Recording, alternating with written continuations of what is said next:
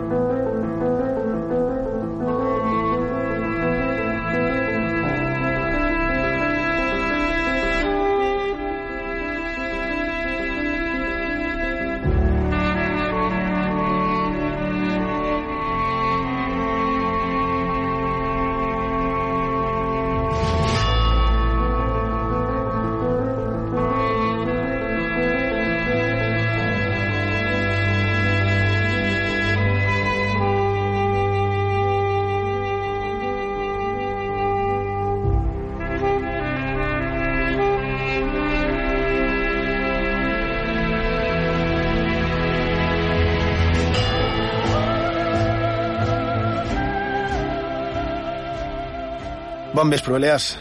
Som en Xema Font, juntament amb en Borja Rigo a producció, Sergio Rigo davant de l'ordinador, Òscar Amores a part visual, en Xisco García la crítica cinematogràfica i en Toni Cardell i els comandaments tècnics vos donant la benvinguda a l'edició 307 d'aquesta trobada, trobada radiofònica anomenada Font de Misteris.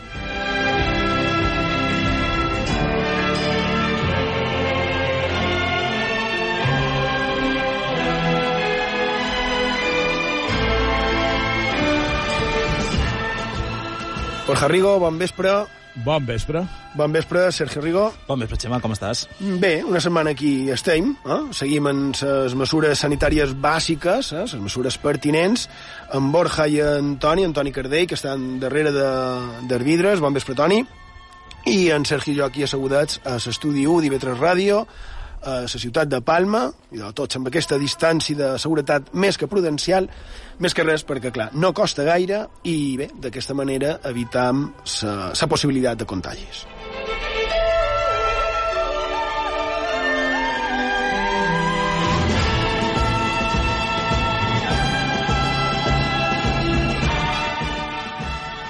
Contagis que no oblidem que són reals, que són possibles, eh? contagis que tenim en el nostre voltant i, com ja fa temps dèiem, està a les mans i a les cares de totes i de tots es tractar de minimitzar el risc.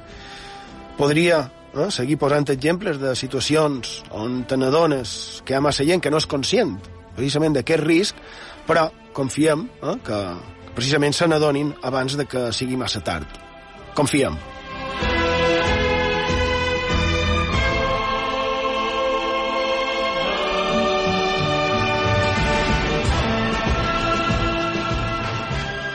I abans de, Sergio, que facis el sumari i relacionat, perquè està relacionat amb això que he dit ara mateix, eh, donades les circumstàncies actuals i, i també com a part de tota aquesta estranya situació que, que hem estat vivint en els darrers mesos, i de, hem de dir que finalment s'ha decidit ajornar el nostre habitual fi de temporada. Els que ens seguiu habitualment, ja ho sabeu, com a darrer programa de temporada, el que acostumam a fer és juntar-nos un, un grapat d'amics, eh? i un termós, i fer una passejada i després d'haver anat tot plegats fent aquesta passejada, acabar a qualque indret representatiu de la nostra terra. O sigui, anar a qualque, qualque punt que s'han conegut per tots, tal vegada no ho sigui tant el seu interior o, o tot allò que es pot amagar al darrere. I així, enguany, la nostra idea, si no hagués estat tot tan estrany no? i tot tan supeditat en el virus, la nostra idea era anar en el punt que jo diria que pot ser que sigui el més representatiu de tota la comunitat autònoma balear i també més representatiu del que va ser l'antic regne de Mallorca.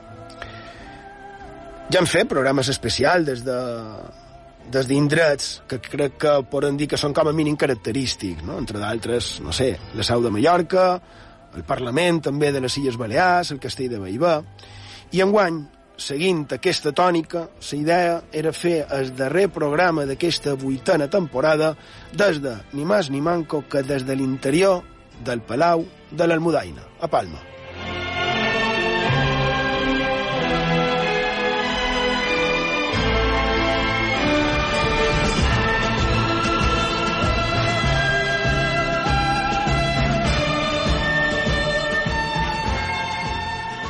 Per això, em sap, em sap molt de greu, però hem decidit posposar-lo fins si s'inici el començament de la propera temporada, que tenim previst que sigui dia 5 de setembre. I la idea serà fer, si és que no s'ha no anat de ses mans el tema del virus, esperem que no, però la idea és fer el que hem comentat, una passejada i anar tot plegats a la part del que era l'antiga ciutadella de la Medina Mallorca. Eh? I ho farem anant a la part on actualment està la comandància militar de Balears, on és el quarter general de l'exèrcit a les Illes Balears, que, per cert, ja que estem, el nostre agraïment als militars, perquè he de dir que simplement vaig telefonar en el coronel, en el coronel cap de comunicació, per exposar-li la idea, de seguida varen concertar una cita i ens varen dir que sí, que cap problema, que la idea els s'hi agradava i que tot han estat facilitats. Així que tot sigui dit de pas, el nostre agraïment.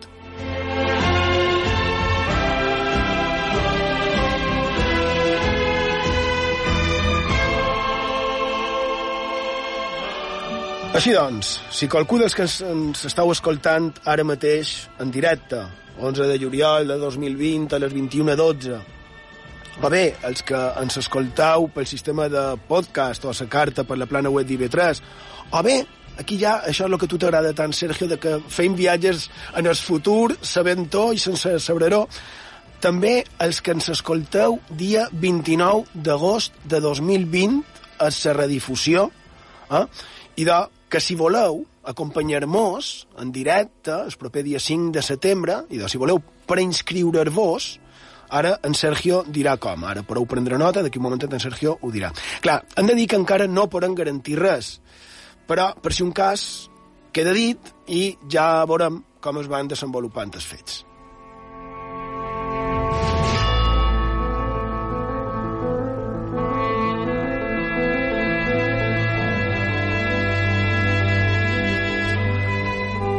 Així que, si voleu, agafeu per apuntar el nostre correu electrònic o, o el nostre número de, de WhatsApp i de Telegram, eh, que això és un altre, i, i ho feis per si voleu això, acompanyar-nos a conèixer més bé, a conèixer millor aquesta part més amagada del Palau de l'Almudaina. Vos prescriviu i veurem de quina manera es farà però sigui com sigui, en qualsevol cas, i com sempre d'any, vos respondrem els missatges. Clar que sí, no, no hi ha altra manera de fer les coses, evidentment. I, Sergio, si vols, podries fer sumari, dir les formes aquestes que hem comentat de contacte, i començam. I en aquest programa 317 de Font de Misteris i de rei d'aquesta vuitena temporada començarem recordant l'aniversari del primer cas OVNI de l'època moderna. Què és i quan va passar? Per què és considerat així?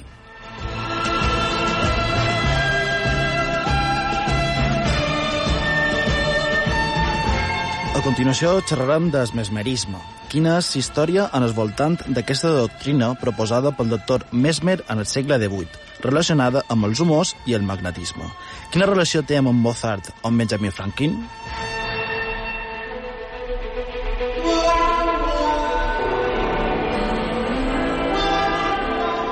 I per acabar, seguirem coneguent més epidèmies en el llarg de la història llenca i d'alguns fenòmens estranys succeïts mentre passava la quarantena.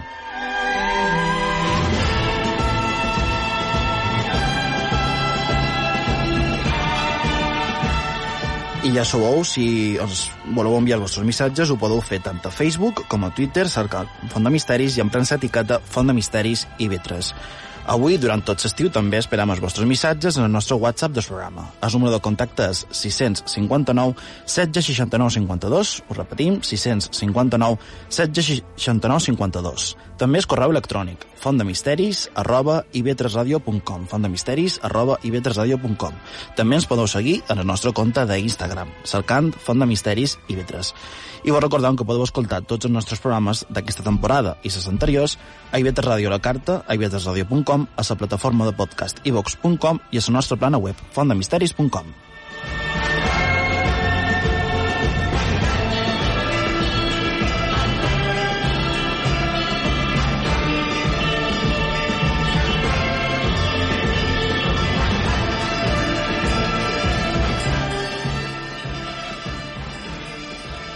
Mm, per cert, mm, a part de sumari, fa un mes varen dir que ens agrada més fer homenatges que no obituaris. Eh? I avui tocaria fer l'obituari d'un mestre en el que ja li dedicàrem un minuts d'aquell programa en el que vàrem dir precisament això i que ha mort aquesta setmana. Estem fent referència al gran Ennio Morricone, que ha estat un gran compositor de bandes sonores, no? de la música que, que sovint acompanya les històries que, que ens agraden, no? que l'acompanyen i que les milloren.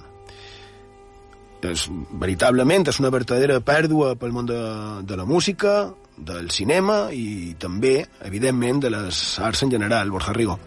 I doncs sí, efectivament, eh, és una gran pèrdua, és un artista que fa 12, 15 dies o 3 setmanes que comentàvem i professaven la nostra la nostra admiració i avui crec que com a homenatge, crec que estareu d'acord, llevat de moments puntuals del programa, tota la resta, el que sonarà serà música creada, composada per Ennio Morricone. Jo crec que també pel dia 5 de setembre, des de l'Almudaina, crec que també podríem emprar música de Ennio Morricone. És més, confés que ja he preparat alguna sintonia precisament per aquest dia 5 de setembre a l'Almudaina. No m'esperava una altra cosa. Efectivament, és que se, se, veia, se veia venir. Um, que, per cert, parlant d'això, de, de Ennio Morricone, l'altre dia en Xisco García me va, me va comentar, cosa que no sabia, que resulta que en Morricone va ser mestre del mestre organista Antoni Martorell Miralles, que era un franciscà mallorquí que va arribar a les cotes més altes de la música sacra a Roma. I de resulta que, que fa de més 10 anys, que quan se li va retre un homenatge a en Miralles, a Morricone sembla que tenia previst visitar les nostres illes per fer part, per ser part d'aquest homenatge. Però finalment no va poder i va enviar un sentit escrit a mà elevant sa figura i sa persona d'en de, Martorell i disculpant-se de no poder venir. Bé, són aquestes petites no, anècdotes de la història.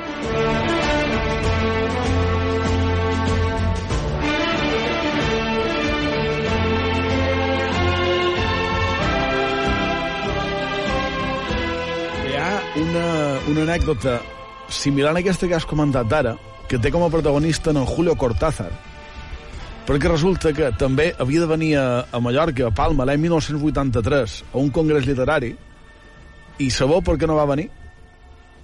Per? I doncs perquè se va morir dies abans de, de, oh.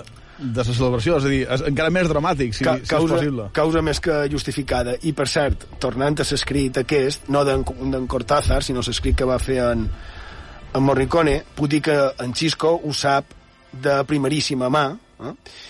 i ja que estem amb en, amb en Xisco, amb en Xisco Garcia, dir que va agafar el guant que, que se li va llançar des d'aquí, en el programa 316, i, efectivament, en el seu Llums i Ombres d'avui, ens parlarà d'aquella pel·lícula que, que li varen dir, segurament, si la podria fer a la seva secció. No? La pel·lícula és La vida de Pi. Ho escoltam. La fa és com una casa amb moltes habitacions. I per posar-la a prova, el dubte també hi ha de romandre a cadascuna d'elles. Bon vespre, Xema i companyia. Avui, a l'espai Llums i Ombres, naufragarem durant 227 dies a La vida de Pi, dirigida per l'eclètic director taiwanès Ang Lee i que fou estrenada l'any 2012. Aquesta pel·lícula és una adaptació de la novel·la de l'escriptor hispano-canadenc Jan Martel. És una rondalla envoltada de realisme màgic on el que es veu a pantalla pot ser ha estat una metàfora d'una realitat més dolorosa o pot ser no. Pi, nom abareujat de Piscin Monitor Patel, està interpretat per tres actors en diferents etapes de la vida – Ajustandom, Suraj Sharma i Irfan Khan. Cadascun d'ells conformen una part de la vida on en la primera es veu l'eterna discussió entre el pensament modern científic i el pensament religiós d'un infant amb inquietud sobre l'existència d'entitats superiors.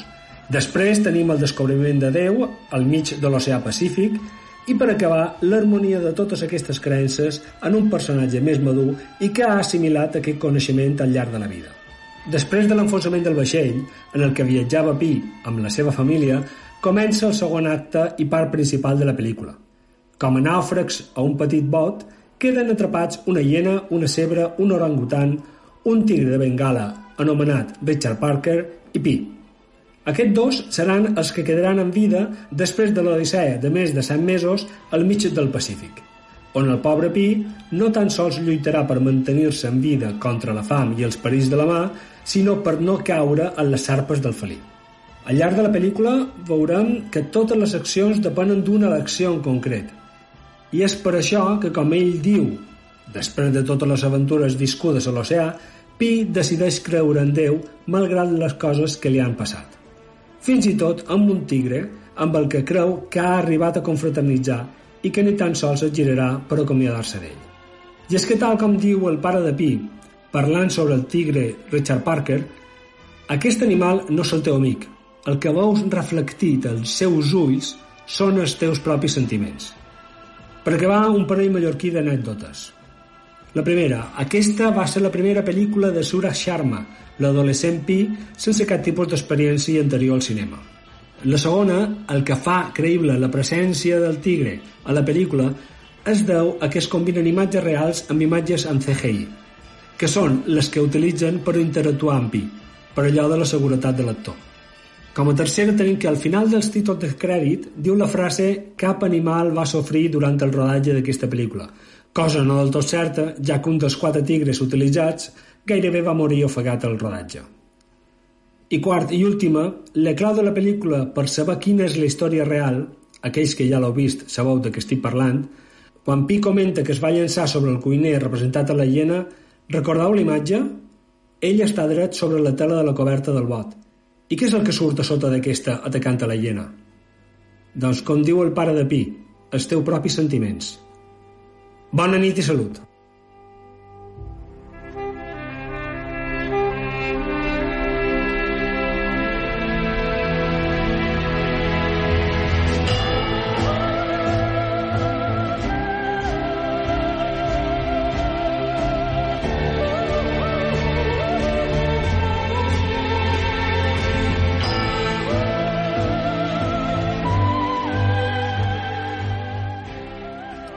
Tal vegada aclarir que, que el tema de, del per què d'aquesta pel·lícula ho vaig comentar precisament per allò d'en Richard Parker, perquè sembla que aquest nom li varen posar justament, no sé si ho sabia, Sergio, pel que vàrem estar contant de, del tema del, del canibalisme, no? De, Curiós. De, exacte, efectivament. Tot està relacionat. Uh, com sempre, sí. Això va ser en el programa, ja dic, en el 316. Bé, gràcies, Xisco ens quedam veritablement amb ganes de, de veure'l-la.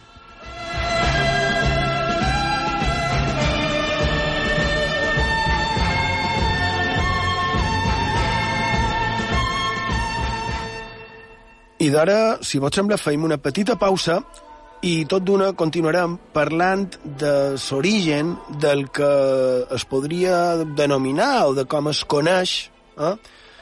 el que es coneix com ufologia moderna és a dir, de tot allò relacionat amb els ovnis en el segle XX i en el segle XXI.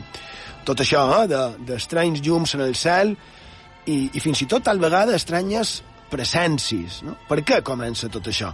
I de, ara ho veurem, aquí, a Font de Misteris, a sintonia d'IV3 Ràdio.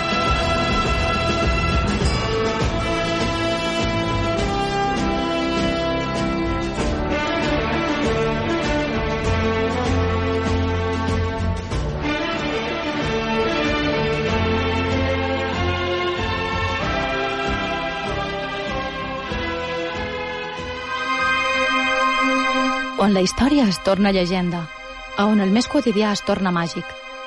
Acompanya'ns a la nostra font de misteris a IB3 Ràdio.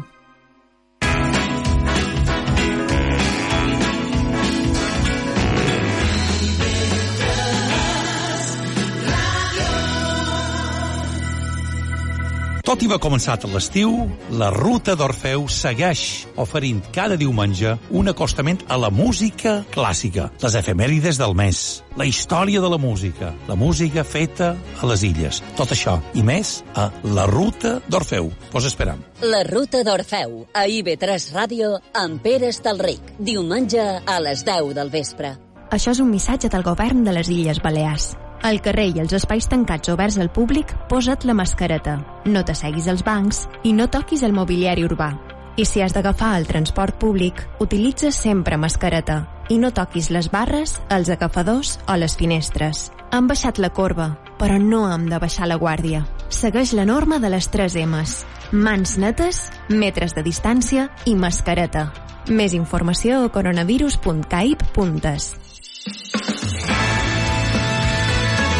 Escoltau ID3 Ràdio, la ràdio pública de les Illes Balears. A i Formentera, 93.7.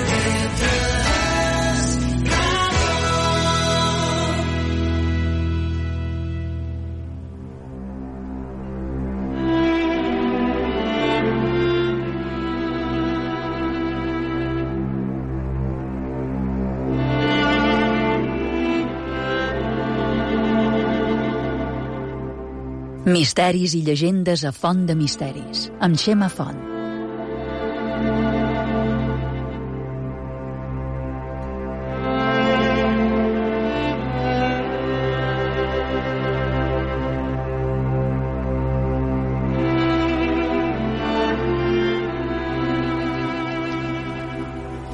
Seguim a Font de Misteris, a sintonia d'IV3 Ràdio, la ràdio pública de les Illes Balears, a Menorca mos podeu trobar en el 88.6 de la freqüència modulada, i fa de més, deu fer dues setmanes, més o manco, es varen complir anys eh, d'un fet que volien comentar, i bé, que entre, entre una cosa i l'altra ho hem anat deixant una mica de, de banda, però clar, aprofitant ara que, que ja estem a ple estiu, que els cels són més clars, que, que fa més ganes mirar cap amunt. No? Jo crec que és un bon moment no? per, per parlar d'això. Podríem fer un petit esbós damunt d'això. De què estic parlant, Borja Rigo? I de... estàs parlant de lo que sonava com a Tai Zero en el començament del programa en veu, en aquest cas, del doctor Jiménez de l'Oso, o un programa de l'any 1984. Una efemèride fonamental que, com deies, no vàrem arribar a comentar fa unes setmanes, i és que ja s'han complit 73 anys del començament de la anomenada era OVNI. I no estic parlant de cap moviment esotèric, o New Age, o senyors i senyores vestits en túniques, que podria ser, sinó d'una altra cosa. Ja sabeu que les túniques d'on de quan ho caure, i no, no el que han de fer, però seria... Bé, és igual. Sí, és igual. Pot seguir. Bé, ja han passat 73 anys des que se considera com a primer cas ovni modern. I crec que està bé que facem aquesta distinció perquè, com he dit un grapat de vegades, sempre pensar que els avistaments ovni no són cosa del segle XX ni del segle XXI, sinó que aquesta cosa va molt, molt més enrere. Des de que s'és humà o és, o per ventura, encara més enrere. Però, en qualsevol cas, si vos pareix, mos centram en el que deia ovnis del segle XX és moment de recordar, encara que sigui només espipallant, ses vivences d'en Kenneth Arnold.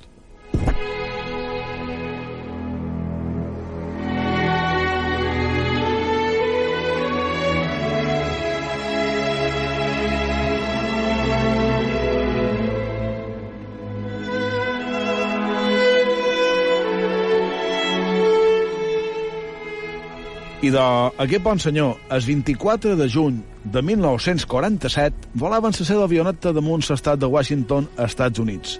Amb això, que va sentir per la ràdio que havia hagut un accident a prop del Sim Rainer.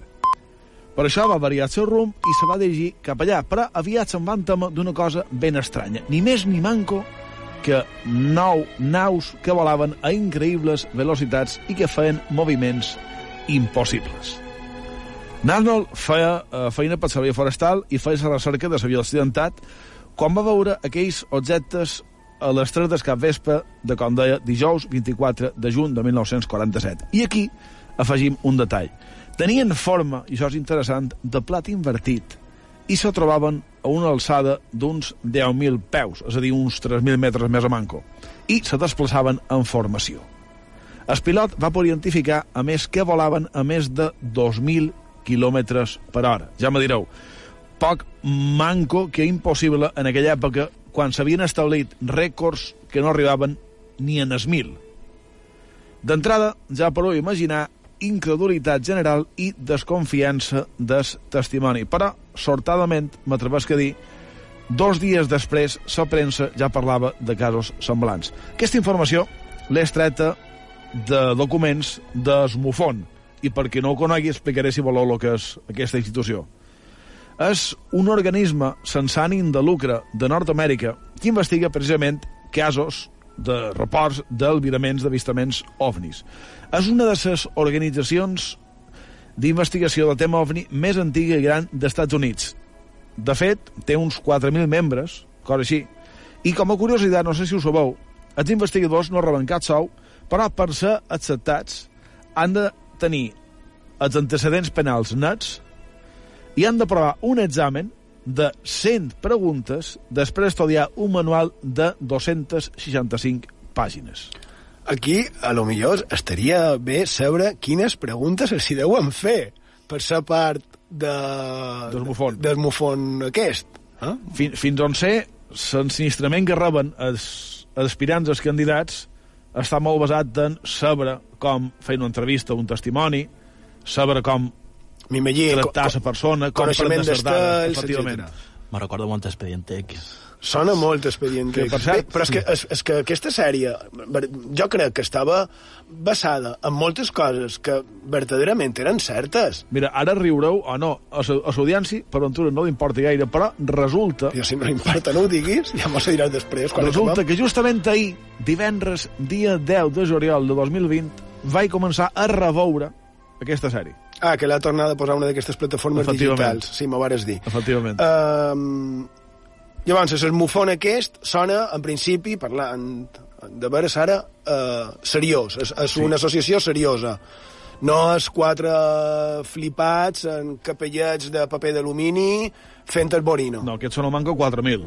Bueno. I no duen capellets. I, i d'això, per, per, per deixar-ho una miqueta clar, no? Val. Bé, tornant a la informació que, Sí. que deia que he extret des, eh, parla de diferents retalls de premsa de l'època, i tenim, per exemple, nota del Portland Oregon Daily Journal de 26 de juny de 1947, dos dies després. Diu, les declaracions d'Arnold comencen a rebre suport. Un testimoni de nom Savage, a Oklahoma City, declara haver observat des d'en terra desplaçament en el cel a increïble velocitat d'objectes similars, esmentant en el seu testimoni un particular bronzit que suposa provenint dels objectes els que més han deixat traces visibles en el desplaçament seu pel, pel cel. En Savage ha descartat inicialment informar del succés. El seu cas no seria l'únic, diu Esmofon. Sis dies després, eh, l'Oregon Daily Journal publica un altre testimoni qualificat, diuen. A Bakersfield, Califòrnia, en Richard Rankin, un aviador veterà amb més de 7.000 hores de vol en el seu haver, va contar com un, o se va mostrar, millor dit, com un dels primers testimonis des, del fenomen. Un dia abans que en Arnold havia observat una formació d'entre 7 i 10 discos voladors. I coneixedor de la tecnologia militar aèria actual, actual de 1947, vull dir, no dubta, no dubtava en afirmar que se tracta de naus no convencionals i mai vistes. I diu també Esmofon que aquest senyor va decidir finalment brindar el testimoni amb motiu de la transcendència que havia començat a adquirir es, es cas. Clar, és que és curiós, perquè un pic que un va començar a afirmar eh, que havia vist cosa és quan comença a haver més declaracions, diria jo, d'albiraments semblants. Per ventura és perquè un se n'adona que és l'únic que està veient fenòmens estranys. Bé, això ens va passar no fa molt, aquí a Font de Misteris, quan varen comentar uns albiraments a les illes, que varen tenir un parell de missatges que mos comentaven mos comentaven que havien vist més o manco el mateix. És a dir, un mos diu que ho ha vist, nosaltres ho comentem en antena, i arriben més missatges semblants en, en dades que complementaven l'anterior, no? O tal vegada no és perquè per això, sinó que verdaderament estan veient el mateix i hi ha una coincidència i per això se va dir, no ho sé. I si no, no ho sé. Mm, podríem aquí també comentar una altra cosa. Per què són tan furtius aquests albiraments, si són coses intel·ligents? Per què no es manifesten? Dit jo, no sé, són preguntes que deixa l'aire i que en Borja ja aixeca es dit, vull dir que potser probablement voldrà dir de les seves. Però per què no es manifesten com, com qualque cosa real? A mi em venen al cap moltes possibles explicacions, suposant o acceptant que el fenomen és real. És a dir, imagineu, per exemple, nosaltres, com a civilització més o manco coherent i establerta, tenim un seguit una sèrie de normes i de lleis que se suposa que hem de complir. I fins i tot els tenim de preservació de la natura i d'altres espècies que estan en perill, per dir qualsevol cosa. Ara, imagineu, suposant que torno a repetir, que tot aquest tema sigui real i, i com nosaltres volen que sigui, imagineu que una civilització que mos du... I aquest, aquesta, aquesta explicació tampoc és meva, no és original, però és que la, la puc compartir. Imagineu que una civilització mos du... No fa falta que siguin 2-3 milions d'anys d'avantatge. Que mos duguin 150 anys d'avantatge, o 200, o, o 500, si voleu, l'equivalent entre nosaltres i gent de l'edat mitjana si se suposa que són més avançats que nosaltres i per això poden venir aquí més avançats en la majoria d'aspectes, no seria lògic pensar que per ventura no poden intervenir de determinades maneres per no desfer el món que tenim? Ara imagineu, un, un altre argument que tampoc és, és nou ni meu. Ara imagineu que ve un no sé qui de no sé on i mos diu, mira, escoltau, és que les vostres matemàtiques estan equivocades, és que la vostra medicina no serveix per res, és que la vostra, la vostra indústria tampoc serveix, la vostra economia no funciona. Uh, no se podria fer per aventura, seria un caos terrible. I, a part d'això, uh, una cosa que no hem escoltat en Estai Cero d'en de, Jiménez de l'Oso, és el que venia just a continuació, que no ho he teat abans, estem parlant de l'any 84, ell contava, a la seva, en, el seu, en el seu speech, en el seu Parlament, que ja hi havia, en aquella època, atenció, 1984, documentats uns 40 milions d'avistaments ovni. Que ja n'hi ha. Que ja n'hi ha. Ja, ja, o sigui, ja, ja ho pot dir. És que per ventura són tan esquius. Eh, bé, però no hi ha aquesta constància. Jo ho deia, jo ho deia per tot això. Ja estava escoltant atentament en Morja. Comparteix que, si realment aquest fenomen fos fos real, pues, sí que tindria sentit el que diu en Borja. També té sentit que actuarien, jo crec, aquestes éssers o persones o el que fos, actuarien també diferent a nosaltres, no? perquè tampoc haurien viscut les mateixes guerres, els mateixos avanços a la seva humanitat, i clar, sí que podrien estar avançats, perquè, per exemple, no haguessin tingut una segona guerra mundial, o una primera, en el seu cas, equiparant les dues civilitzacions. Per tant, avançarien, estarien avançats, pues, potser pues, molt d'anys més. O, o la vida en el seu planeta hagués començat abans. Clar. Això sempre i quan no entrem en les teories no, de... No vol dir que fossin superiors, en aquest cas, sinó que simplement per un altres moments històrics que haguessin viscut en el seu cas, pues, haguessin avançat d'una altra manera. En lloc de gastar energies en matar-se entre ells, haguessin gastat energies mm. en prosperar més com a civilització i, i avançar més. Podria ser. I que fessin d'una mena d'antropòlegs en nosaltres. No? Per entendre-nos, jo crec que és, una, és, és un... És a dir, nosaltres no ho fem, per exemple, no, no mirant de protegir, per exemple, eh, les tribus perdudes de l'Amazones? No diré res de tot això. O intentam, o manca de muntes paper. No s'hauria d'intentar... Exacte, no s'hauria sí. d'intentar Sí, sí. I de, o no ho feim, com en dèiem, amb espècies animals, A lo millor ells estan lo suficientment avançats per prendre consciència de que s'ha de fer així, i per això no intervenen. Bé, és una, és una explicació. En qualsevol cas, Borja, en la teva explicació, eh, ser ovni, com la coneixem actualment, hauria començat aquell any de 1947.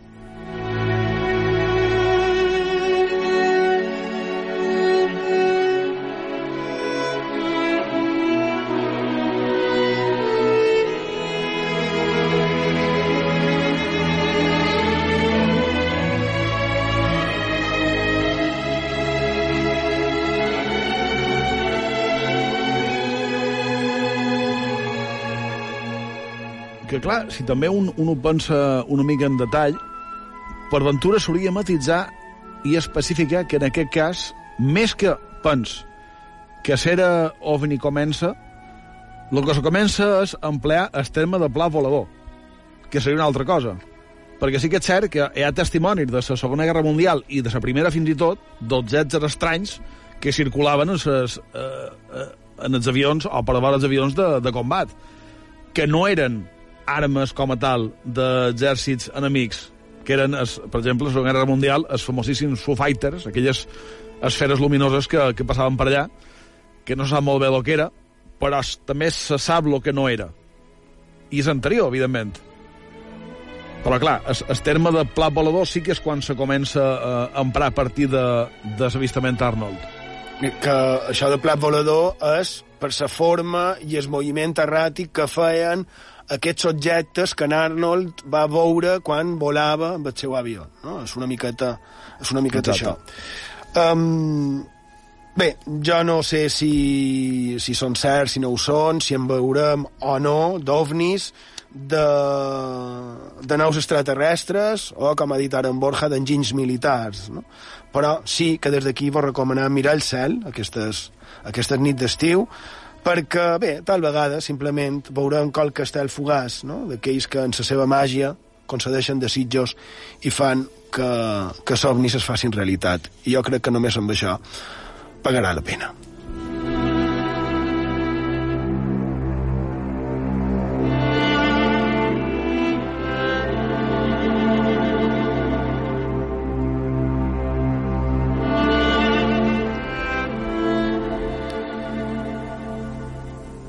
D'hora d'un tema que hem estat parlant, que tal vegada vincularíem amb el futur, mos mirarem d'anar una miqueta enrere per parlar d'un metge del segle XVIII que encara té protagonisme actualment i que va tenir molta més polèmica de que tal vegada podem fins i tot pensar.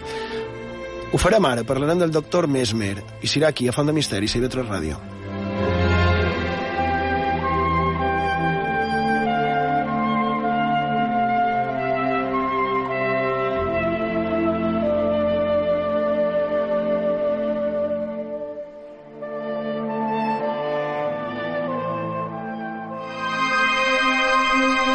La història es torna llegenda, a on el més quotidià es torna màgic.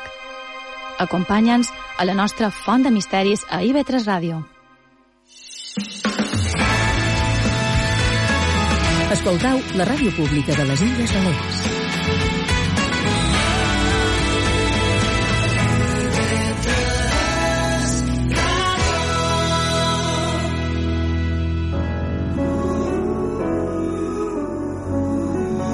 Deia Diògenes que la cultura és un saber que flueix espontàniament.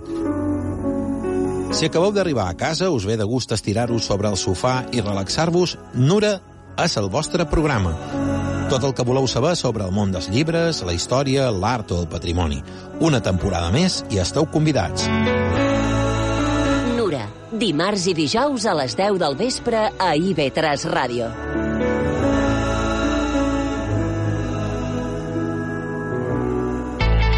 Per Ràdio Televisió ja els tertulians. El dia te contam la vida, de dilluns a divendres, a partir de les 9 del matí. De matí hem intentat parlar amb diferents... nou ple al Parlament, un ple La política, la cultura, l'economia... Polígon de Marratxí, on avui de matí... L'informació, l'anàlisi, les opinions... La percepció que encara continuen tenint sobre aquestes violències. El feminisme, el medi ambient, les noves tecnologies... Escolta una cosa, que el dia té Instagram. Sí, no, sí? a IB3. I IB3 Ràdio és patrimoni.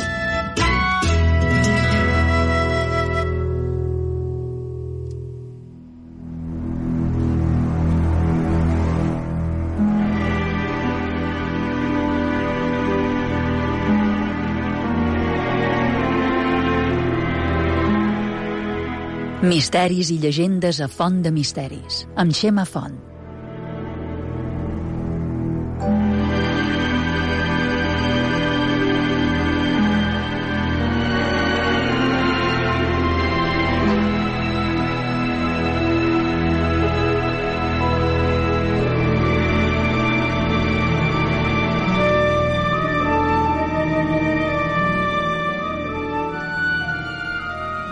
Seguim a Font de Misteris, a sintonia d'IV3 Ràdio, la ràdio pública de les Illes Balears. A les Pitiuses mos podeu trobar en el 93.7 de la freqüència modulada, com he dit ara fa un moment, canviant de tema.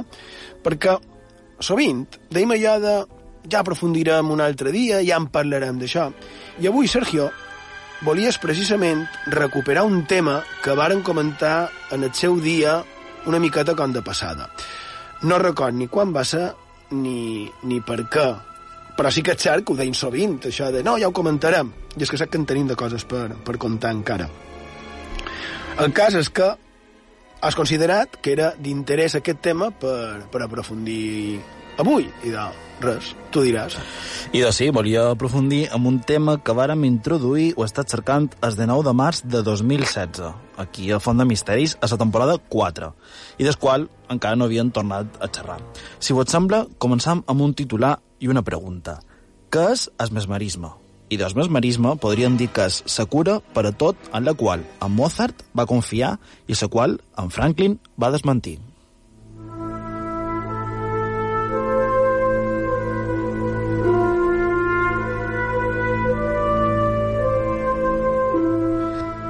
La nostra història comença a París, a l'any 1784. Acusat de frau, trobam a un doctor alemany anomenat Fran Anton Mesmer i alega, ni més ni manco, que pot curar els seus pacients amb una cosa anomenada magnetisme animal. Però què vol dir això? El veredicte està en mans d'un comitè d'experts. Un era el químic Antonien Lavoisier i l'altre l'inventor Benjamin Franklin. Què passaria? Quin seria el veredicte? Després ho sabrem. Ara tornem una mica enrere.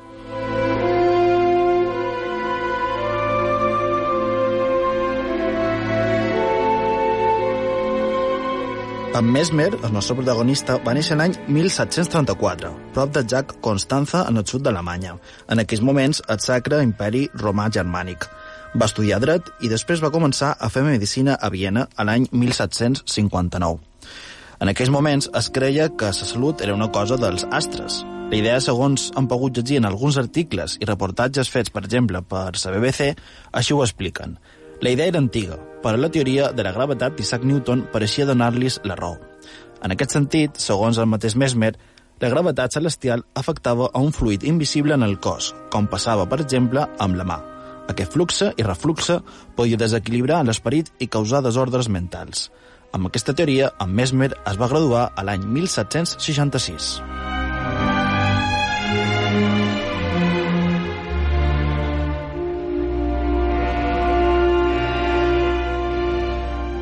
Principi d'aquesta història hem dit un titular i hem citat un personatge, en Wolfgang Amadeus Mozart, i d'hores quan entra en escena.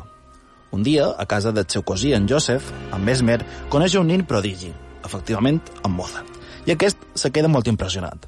Per això, Mesmer i la seva dona, que era una gran aristòcrata, conviden el jove Mozart a tocar a casa seva i estrenar una de les seves òperes juvenils en el seu jardí. A Mesmer li agradava molt la música i tocava l'harmònica de vidre. Un instrument també maleït, no, Xema? Mm, ara veurem. Que, de fet, podem escoltar de fons ara mateix en aquesta peça de Mozart.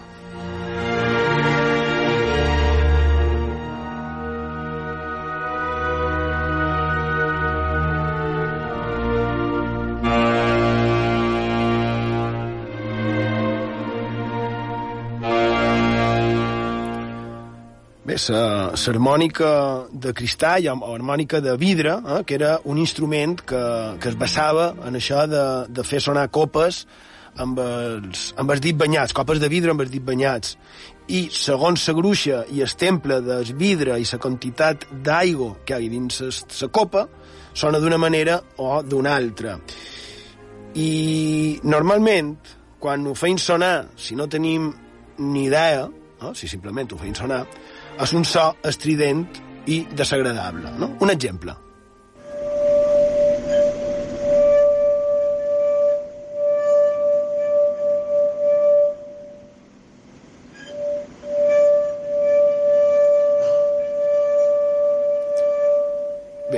Aquest és un so, ja dic que, que desagradable, que, que he gravat avui mateix. Eh?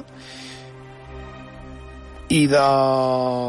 Clar, mm, qui sap de música, amb aquests sons, pot fer melodies, evidentment meravelloses, així que el polifacètic Benjamin Franklin va automatitzar aquest sistema de fer música convertint-lo en un instrument musical que has dit Sergio, que era maleït. I bé, maleït i perillós atès això, perquè diu... He trobat que diuen Este instrumento tiene un sonido tan penetrante por su efecto vidrioso que agita el sistema nervioso y por lo mismo es dañoso a la salud de las personas de una cierta constitución. Eh? Així ho detallaven a una enciclopèdia de música del segle XIX. I aquest instrument guarda relació precisament amb en Mesmer, aquest doctor del que hem parlat, i del mesmerisme. Eh? Així que jo no diré res més per no tractar de, o sigui, per tractar de no trepitjar-te el que tu haguis de dir, Borja, però sí que crec que, que, que has de dir tu, Sergio, perdona, però sí que en Borja ha cercat qualque exemple de, de música que té, eh, anem alerta, perquè és una música que té un efecto dañoso, Borja i doncs no sé si danyoso del tot, però sí que és, és un...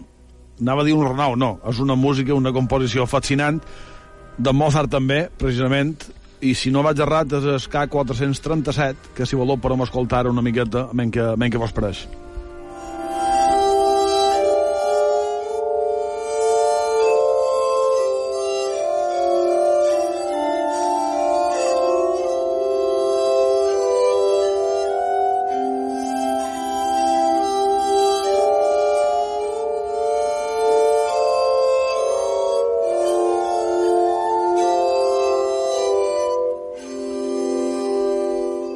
I d'aquest instrument és una barra plena de com si fossin copes que bols, eh, posats un de vora l'altre, que van girant i directament els van tocant com si fos eh, un orga o, o una harmònica. No? Crec que és un, és un instrument molt curiós i que, a més, ben, ben emprat, eh, sona bé.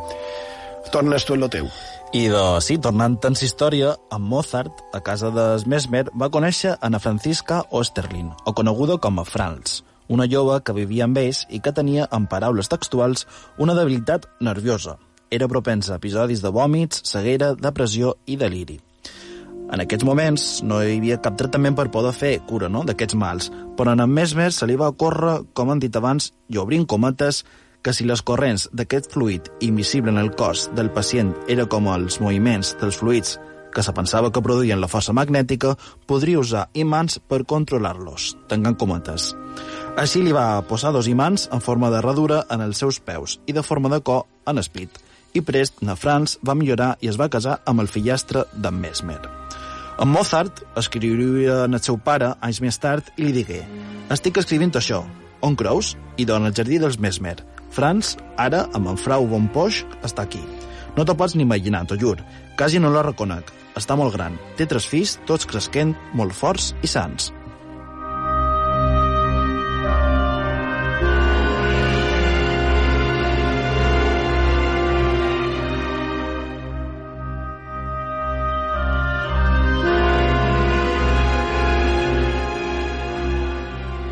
Mesmer seguiria utilitzant aquesta magnètica cura entre altres pacients que sofrien el que ell li deia epilèpsia, histèria i melancòlia. També, segons les cròniques, en resultats positius.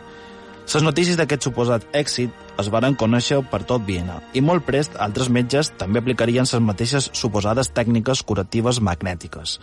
En Mesmer diria que tots tenim una qualitat anomenada magnetisme animal. la qual afecta la nostra salut i els imants la poden manipular. Establir una clínica a casa i allà els pacients poden introduir mans i peus o tot el cos en aigua magnetitzada. De vegades, inclús, en Mesmer deixaria d'usar els imants i directament faria ús de les seves pròpies mans. Un diari suís va escriure l'expectació i la sensació que causava a Mesmer. Ho llegim. El doctor Mesmer, famoso por sus curas con imanes y la teoría del magnetismo animal, llegó a este distrito. Ha estado demostrando su sistema con los maravillosos poderes que ejerce sobre quien quiera que tenga un desorden nervioso. Con poco más que tocar su mano, puede restaurar el movimiento y sensación a extremidades paralizadas y desvanecer desmayos, vértigos, problemas estomacales y toda clase de síntomas histéricos. Si sus afirmaciones responden a nuestra expectativa, su descubrimiento no solo es maravilloso, sino también una gran bendición para la humanidad.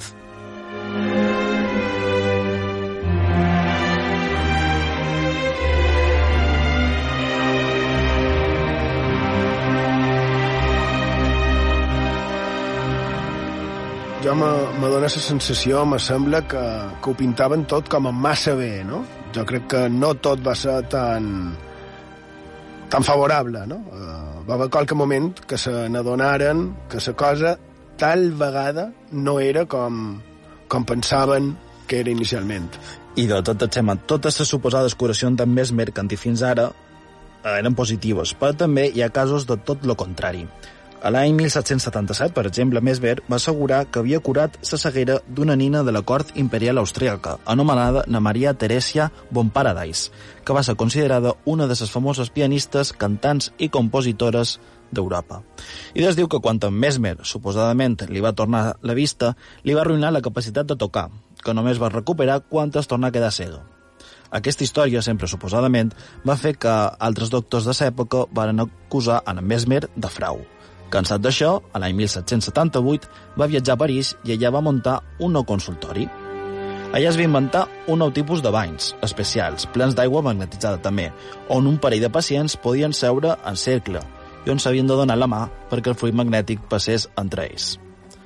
Alhora, els junts es feien més tènues i a vegades el mateix Mesmer o un altre músic et seia un cantó i tocava música suau, després caminava, perdó que m'enriqui perquè l'escena és molt curiosa, no? Després caminava en el costat de la piscina passant les seves mans sobre els cossos dels pacients amb una vara magnètica, o de vegades sense ella, i parlaven en veu baixa. Què vos pareix?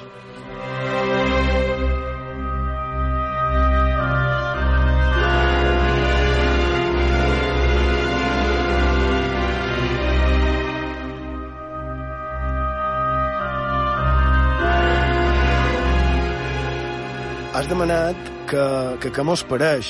Mm, Com a mínim una escena curiosa que, que mem, així com l'has explicada, així com ho has dit tu, i, i més vits altres detalls, altres narracions dels fets aquests, perquè, mira, Borja, abans fa un moment has parlat de, de túniques i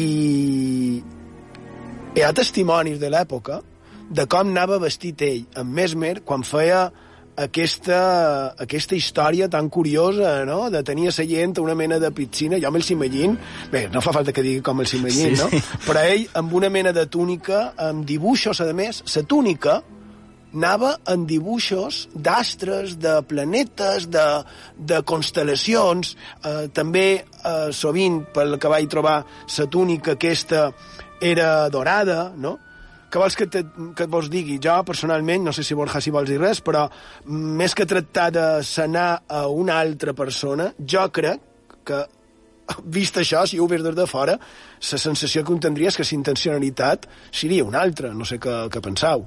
Jo només dic, i, i què més voleu per aquest preu? Vull dir, aquest senyor amb les túniques i, i, i, un, i, i, no sé, nedar dins una piscina i... Tots assegudets... I en tocar rotllo- música en el cantonat. Sí, fluixet. música en el cantó suau, efectivament, parlant amb veu baixa, eh, fent una mena de caricis o amb una vara o sense sa vara, o sigui, aquí cada, també cadascú té, té la seva. Bé, sí, són aquestes parts que sempre, o sempre no, no ho diré així, que sovint estan relacionades amb aquestes coses, també, no? Que és aquesta part més obscura, per no emprar segons quines adjectiv, eh, quins adjectius, no?, en tot això.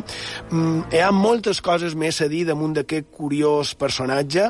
Mm, tu m'ho vares dir que hi havia per estar tot el programa parlant Sí, d'ell. ara tenim la segona hora, un parell de coses més. Sí, comentarem quatre coses, però encara queda reprendre allà on ho havien deixat, no? Aquest mesmer que es dedicava a un sistema de sanació una miqueta estrany. Però ja vos dic, en el final crec que encara mos sorprendrà més el que hi ha al darrere d'aquest personatge. Serà aquí, després del bolletí informatiu d'aquí un moment, a Font de Misteri, CB3 Ràdio.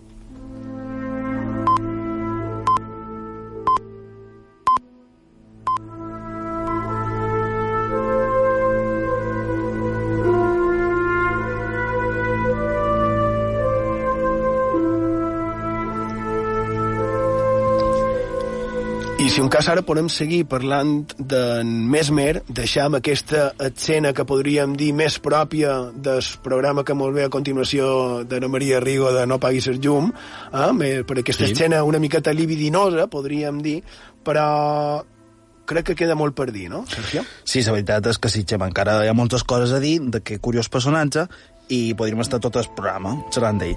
Però si vos pareix, acabam aquesta història per avui, allà on l'han començada a la primera hora, a l'any 1784. Aquest any, un grup d'homòlegs francesos d'en Mesmer, que sospitaven de les seves suposades cures, varen persuadir en el rei Lluís XVI perquè fes una investigació oficial sobre aquests mètodes. I, efectivament, entren en escena, com han dit en el principi, en Franklin i en Lavoisier.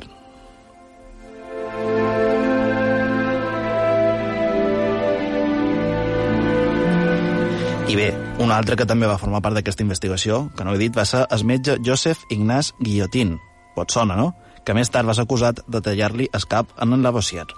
Res a dir d'en Guillotin? Hi ha alguna cosa relacionada amb les nostres illes? A la de una, a la de dues, a la de en Borja tres? també se demana, execució d'embustillos, per exemple, en el passeig del Born, de Palma, eh, en guillotina, abans que es fes popular la guillotina, ho deies per això, Sergio Rigo? Borja Rigo? Sí. Per exemple, Jo no? sí. Concretament, a 1742. Afirmatiu, mitjans de, del segle XVIII. Segueix, Sergio, si vols. I de la Real Comissió Francesa sobre les conclusions de les investigacions en Mesmer va fer entrega del seu informe el mes d'agost de 1784 i deien que havien observat els banys magnètics en acció, que alguns pacients s'havien marejat i altres convulsionaven. Inclús ells mateixos es van ficar i no els hi va passar res. També varen concloure que l'existència d'un fluid magnètic era impossible de provar, per ser invisible, insípid i inolor. Respecte als efectes de la cura magnètica, varen dir que només funcionaven per suggestió, suggestió perdó, no tenien bases sòlides i que s'havia de prohibir tot el que feia amb Mesmer. Amb aquestes conclusions, vos podeu imaginar que la reputació de Mesmer mai se va recuperar. I, a més a més, poc temps després va arribar la Revolució Francesa i va perdre bona part de la seva fortuna. Va tornar a Àustria i a Suïssa per cercar fons oficials per seguir amb el seu treball, però no els va trobar. A l'any 1815 va morir a prop de Jack on havia nascut. Es diu, escoltant de fons a un amic seu tocant la seva harmònica de vidre.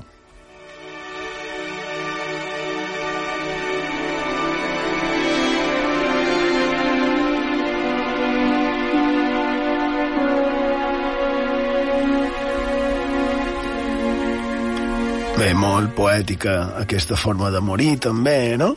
Sí. Molt, molt poètica. Però mm, amb el tema de Mesmer, crec que és important fer unes puntualitzacions. És cert que es va fer famós, eh? i tant. També que les seves teories varen ser estudiades i analitzades. Però el que sembla que no es diu tant, i, i ho he trobat a un parell de llibres, és que va haver de fugir de Viena.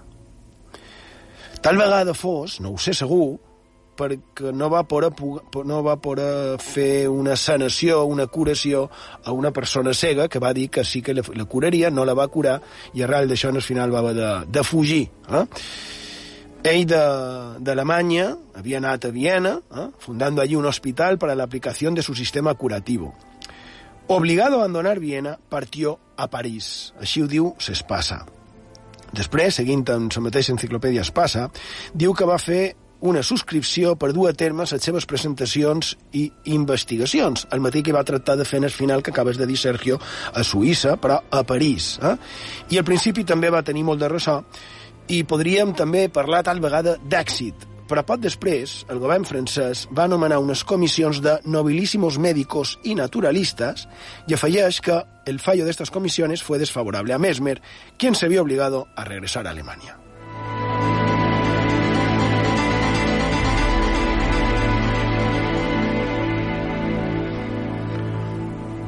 Això damunt la vida d'ell. Però en aquesta mateixa enciclopèdia, en la gran Espasacalpe, més endavant parla del mesmerismo i el defineix com a sistema per explicar el conjunto de fenómenos que hoy constituyen el objeto del hipnotismo. ¿val? Després ve a explicar tot el que has contat tu, Sergio, però sí que me va cridar l'atenció allò d'haver de fugir de Viena i després haver de fugir de París. Sí que vaig seguir cercant, i en el tom 6 de l'Enciclopèdia Universitas, pàgina 296, ens diu una altra cosa, perquè diu una de les figures més populares d'este siglo, del siglo XVIII, es la de Mesmer, médico vienés, creador del magnetismo animal o mesmerismo, que en París tuvo un éxito inmenso por lo que su, por lo que su sistema tenía de sobrenatural, de ocultismo y de misterio, cualidades muy apreciadas en aquel tiempo y de las que se aprovecharon tantos aventureros y charlatanes. Eh? Això ho explica l'article del doctor Capdevila damunt de la història de la medicina. I a partir de dir això, comença a parlar aquest article ho relaciona ni més ni manco que en somepatia.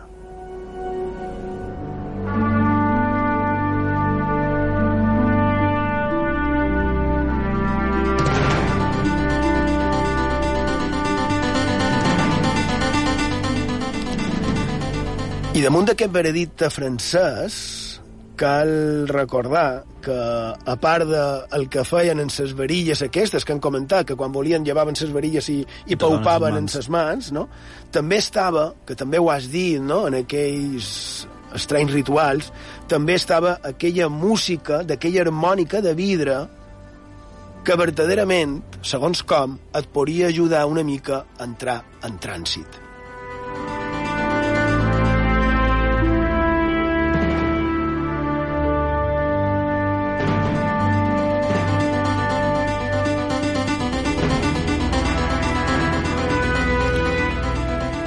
Per a cercar més, sabeu que ha trobat i de que aquell 1784 va ser reprovat i desprestigiat aquesta mena d'hipnotisme de Mesmer.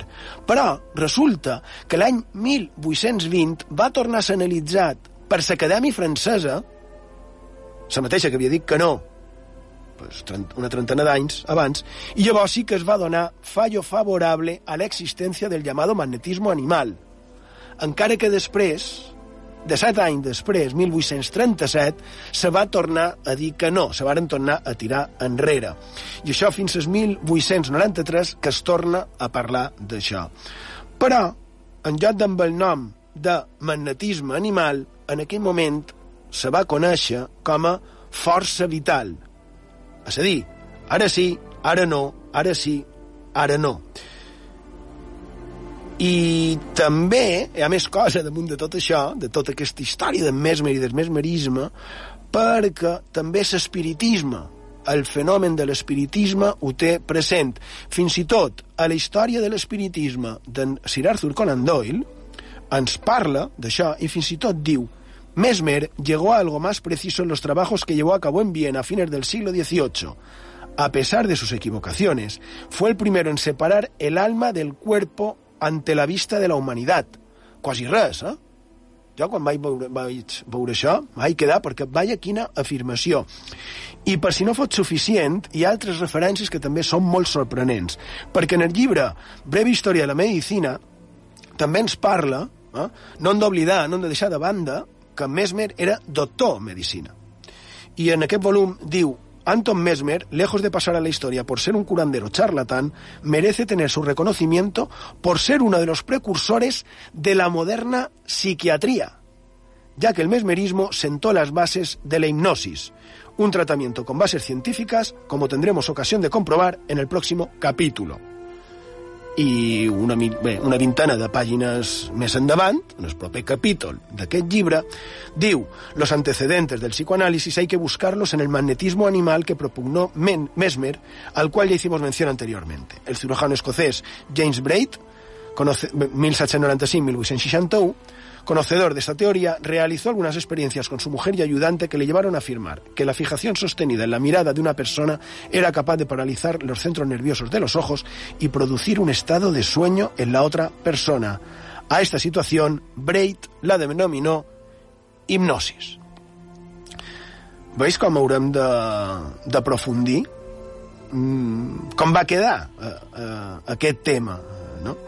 De tot això de diguem-ne, pseudociències o ciències alternatives, no?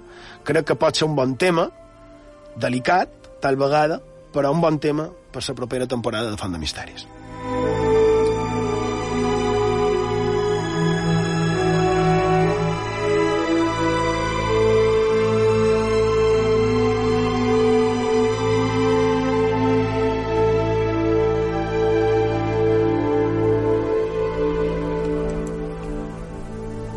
En el marge de tot això que heu comentat, que és francament interessant, aquí ve es, es detall friqui, que no sé si en Sergio se'n recordarà, supos que sí.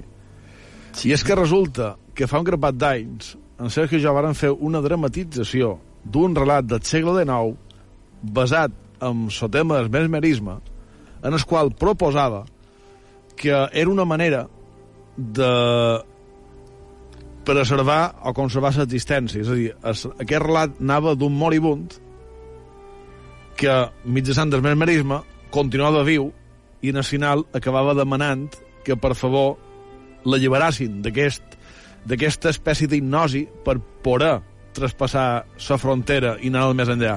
per poder fer el, el traspàs. Efectivament. No? Interessant. Crec que està molt relacionat amb el que he dit abans de l'espiritisme. No sabia, ja me passareu l'enllaç eh, que tingueu, que segur que això està penjat a qualque, a qualque podcast. Molt, molt interessant aquesta història, Sergio. Bé, ja ho has vist. I, Sabia que t'agradaria. Sí, la veritat és que sí, i més tot el que hi ha encara al darrere, no? Perquè és increïble. Heu sentit parlar aix- d'això de visualitzar per aconseguir fer realitat eh, els teus desitjos, els teus somnis, aquestes coses, que és tan, tan modern i tan així, i de... Hi ha qui diu que ell en Mesmer va ser precursor. També relacionat, ja ho hem dit ara fa un moment, en l'espiritisme, fins i tot, tal vegada, en la maçoneria. Eh? I fins i tot hi ha qualque antiga crònica que parla de que va aconseguir fer que un arbre es tornés miraculós. Val? Ja dic, és increïble. En qualsevol cas, mm, en qualsevol cas en Borja me torna a demanar la paraula, digues. És que en el final està tot lligat. Ara tu acabes de, de dir la paraula maçoneria. Fa uns minuts, abans de la pausa, quan parlaven de Mozart, precisament, a part d'escoltar Stai, on feia sonar la harmònica de vidre, han sentit una altra melodia d'aquest compositor que, oh sorpresa, i no estava preparat, era un himne que va composar Mozart per un funeral de maçons. Mira tu, és, i d'allà és, és casualitat. Es K437, si no recordo malament. I, també vinculant tot, això que deia que van fer mencions que fan grapat d'anys, ara no recordava l'autor, i ara ho he cercat, i resulta que és l'autor del qual parlava la setmana passada, que era Nedgar Allan Poe. Ah, mira, justament. De totes maneres, crec que tots hem sentit que ho estaves cercant. Perquè s'han sentit els cops Perquè de... se senten a escot de, de l'ordinador, de l'ordinador de producció, evidentment. Um, bé, uh, el que deia és que en Mesmer està clar, claríssim, que segueix ben present dos segles després i, i per més escèptics, uh, o bé, bé, per, per tots, els més escèptics i els més realistes, també, perquè encara que sigui només pel nom, segueix present, eh? perquè ha quedat com a part de molt d'idiomes. El mesmerisme, que a més és el que dic, eh, crec que gairebé tots els, els idiomes tenen traducció pròpia del mesmerisme, que ve, té un significat que ve a dir qualque cosa semblant a captivar, fascinar i principalment hipnotitzar.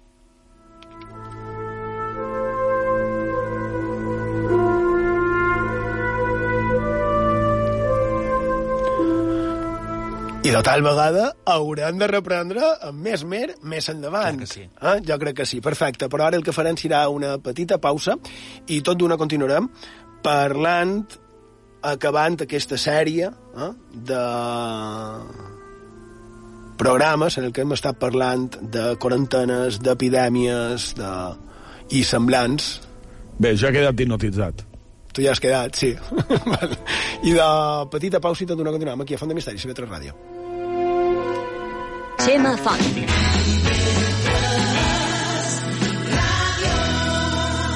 Font de misteris.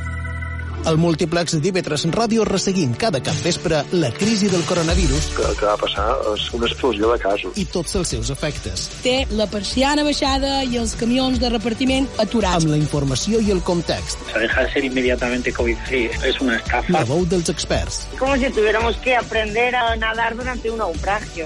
Com canviaran l'economia, la societat i la vida quotidiana a les Balears. Peleando por defender la música en directo y que no se apague. I l'afany de la cultura per continuar endavant. De dilluns a divendres de 3 a 6, múltiples. A IB3 Ràdio, amb Sergi Marcos. Tot i haver començat l'estiu, la Ruta d'Orfeu segueix oferint cada diumenge un acostament a la música clàssica, les efemèrides del mes, la història de la música, la música feta a les illes. Tot això i més a la Ruta d'Orfeu. Vos esperam. La Ruta d'Orfeu, a IB3 Ràdio, amb Pere Estalric. Diumenge a les 10 del vespre. Escoltau IB3 Ràdio, la ràdio pública de les Illes Balears. A Mallorca, 106.1.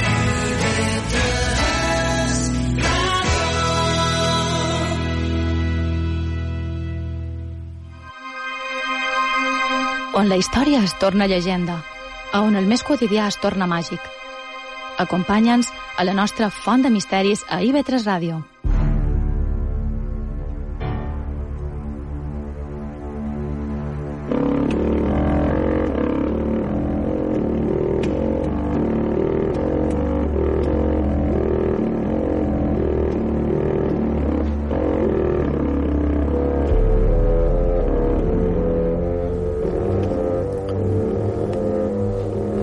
Seguim a Font de Misteris, a sintonia d'IV3 Ràdio, la ràdio pública de les Illes Balears. A través de la xarxa mos podeu trobar a ib3tv.com i canviant de, canviant de tema, deixam els fenòmens ufològics, els ovnis, deixam també en en Mesmer de moment. I seguim escoltant altres composicions de Ennio Morricone, però canviant de tema, i acabam, jo crec, ja en la sèrie, com deia, que hem fet dedicada en el tema de les epidèmies i les quarantenes patides principalment, eh? com sempre, a les illes. La setmana passada vaig estar contant aquell farest i, i podríem dir tal vegada que absurd cas amb moltes semblances en, en l'actualitat de Soia. Dic absurd per, per motiu no? de la transmissió. On fa 500, 500 perdó, 50 anys, per no creure massa en, en epidèmies, se varen prendre, sembla, com una cosa trivial i varen estar un bon grapat de mesos amb una situació extrema. I bé, tot allò ho vaig contar com a conseqüència de que va ser per mort de l'epidèmia de Sawyer que es va determinar institucionalitzar això de les morberies i parlava de les primeres morberies. I si seguim cercant, segons els cronistes en, en Dameto i, i en Vini Melis, es va instaurar la morberia l'any 1475. Però en Vicenç Mut, que és un altre, era un altre cronista, diu que va ser abans, 1471. I per què ho dic tan precís? Eh? Jo que m'agrada dir mitjan del segle, i de perquè tractat de pestes i epidèmies antics es deia que va ser l'any 1484 quan es varen començar a posar en bus les quarantenes per evitar contagis. I clar, segons això, i així, així ho diu el llibre Epidemiologia Espanyola, resultaría que consta, según lo que hemos dicho, que los mallorquines habían ya tomado nueve años antes, por lo menos, esta tan sabia como política providencia.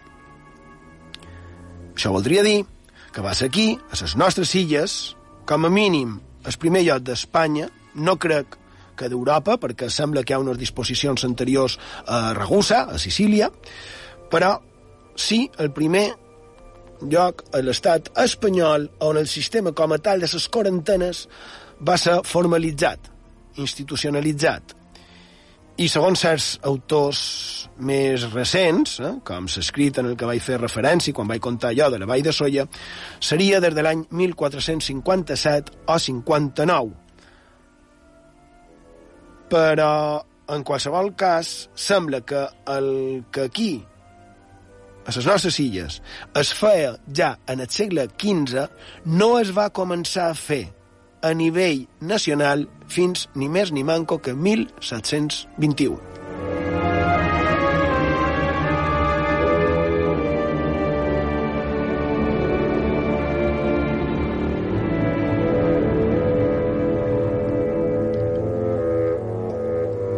I el que jo, com, com he dit, no tenc tan clar és que sigui verdaderament el primer lloc d'Europa i molt manco del món, eh? malgrat hi hagi informes o documents mm, documents podem dir que oficials que així ho tractin de, de demostrar.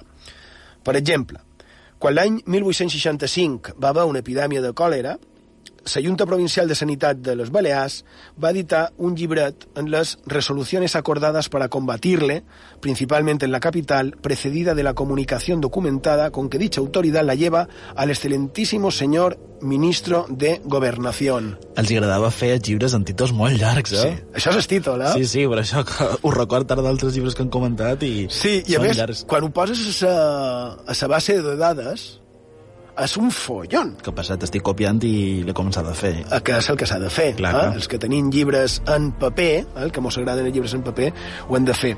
I de... En Borja també crec que li fem enveja o algo. Me feis enveja perquè he de confessar i ho diré públicament que deu fer uns 4 o 5 anys que no l'actualitz. i de veuràs quan te toqui. Faràs unes rialles.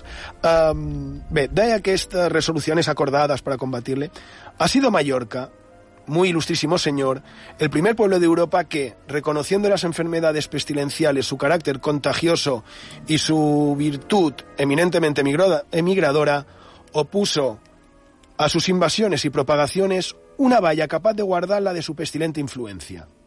Ábrase su historia y en el siglo XIV, época de su más floreciente comercio con el Levante, veremos a sus esclarecidos patricios y a sus eminentes médicos establecer las morberías, crear los médicos de naves y levantar un lazareto en San Nicolás de Portopí. Lazareto Diu, que fue el primero en el mundo que vio cumplirse en su recinto la incomunicación y demás medidas cuarentenarias capaces de destruir el germen contagioso que pudieran traer las embarcaciones y tripulantes de los puertos infestados. Siglos enteros transcurrieron sin que nuestros antepasados... No, no és només el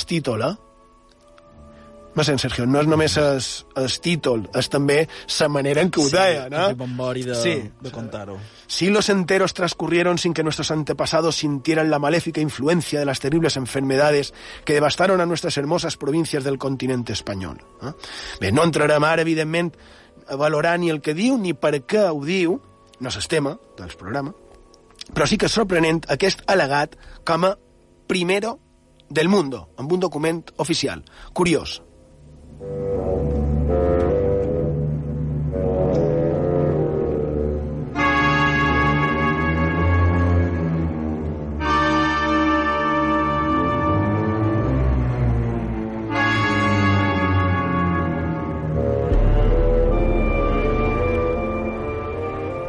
Y tampoco entraremos en allò de que siglos enteros transcurrieron sin que nuestros antepasados sintieran la maléfica influencia de las terribles enfermedades que devastaron a nuestras hermosas provincias del continente espanyol.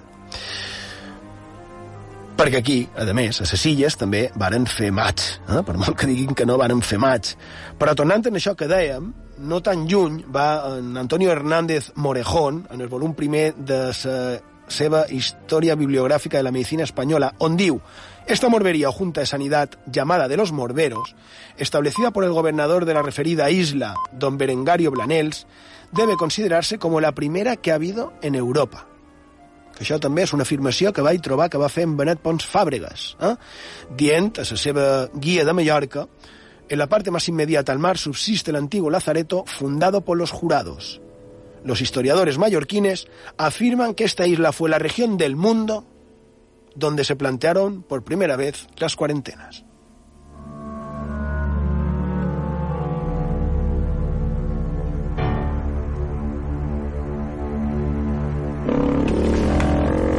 Perquè per ventura pot sonar una mica el que tu és, Xema, una mica estrany, una mica exagerat. Per ventura no és del tot vera, però si certs llibres d'història i gent que parlen de que els primers pobladors eren els descendents d'en de Noé, escolta, per què no?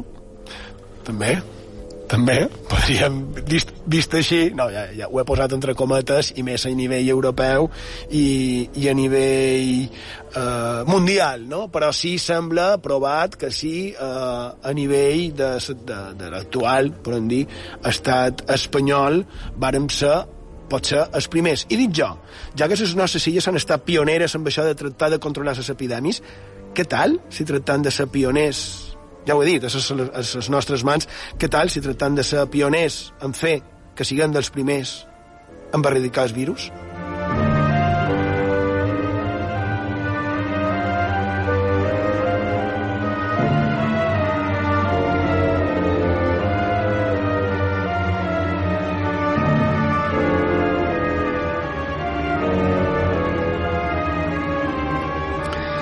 Bé, amb allò del que he contat de la pandèmia de soia, el problema és que ja mateix a soia, passat un bon grapat d'anys, una mica menys de dos segles, es va tornar a repetir una pandèmia ben greu. Era l'any 1652 i en aquest cas no va ser com s'altre per suposadament mm, certa irresponsabilitat de gent d'allà, ja ho vàrem veure en el programa anterior, perquè en aquest cas va ser per la responsabilitat d'un parell que per la seva posició potser no varen avisar del perill que hi havia.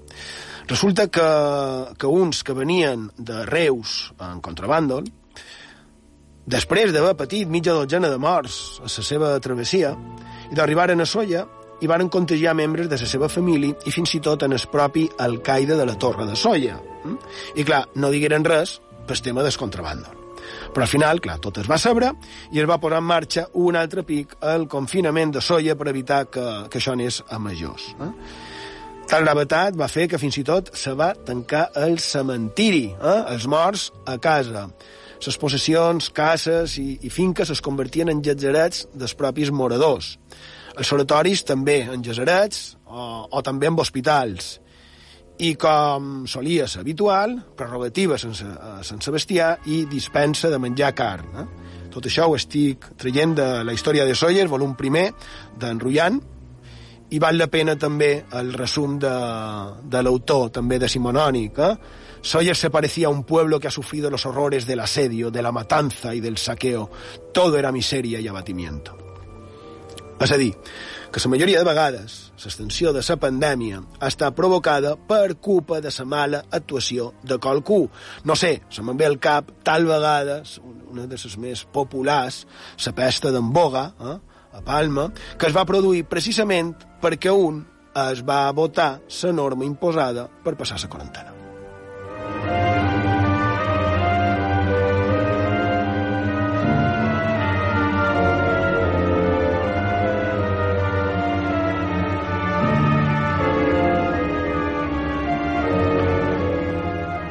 I també amb aquest tema de les quarantenes trobam fenòmens estranys i misteris. Eh? Estic segur que n'hi ha molt més, però n'he trobat un parell, i un parell, i un d'ells va ser cercant un llibre lògic, eh? bastant lògic per això, el llibre de la història de l'Orden Redentora de la Merced, eh? aquella ordre religiosa que es dedicava, o bé amb dos bés, en, en diners, a comprar la llibertat dels captius, o bé això és molt curiós, perquè els propis membres d'aquesta ordre religiosa es sacrificaven a ells mateixos fent intercanvis. Els religiosos es quedaven i els captius eren alliberats.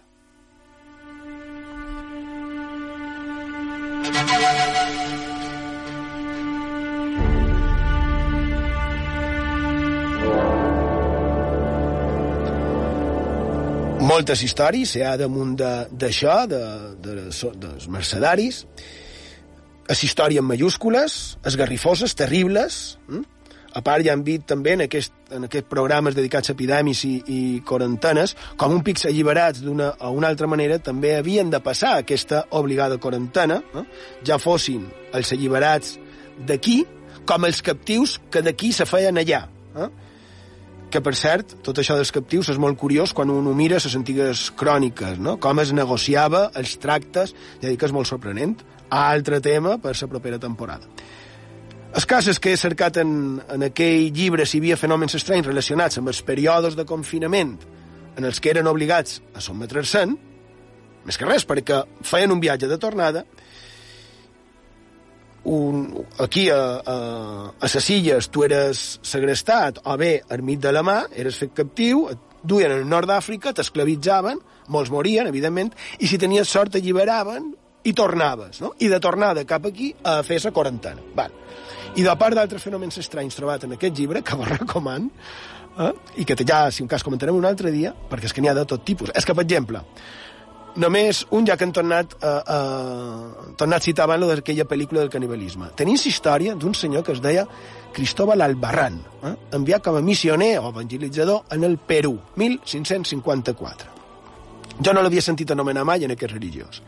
I diu aquest llibre que, con grande celo, inmensas fatigas y trabajos, recorrió aquel dilatado país, i també diu que va convertir a molts a la fe de Jesucrist i que va construir molt de temples i convents. I el que deia del que un troba amagat en els llibres. Mireu quina història. Predicando un día a los indios, reprendióles la poligamia y sus nefandos vicios. No pudiendo sufrirlo, a flechazos lo mataron. Y luego, aquellos antropófagos echaron su cuerpo al fuego para comérselo. Pero bajó una nube del cielo que hizo desaparecer el cuerpo de los ojos indios, quienes a vista de aquel milagro, arrepentidos, pidieron perdón a Dios y he aquí que el santo mártir se les apareció en el aire con una cruz en la mano, exhortándoles a la penitencia y al bautismo. ¿Vos imagineu? Quina història.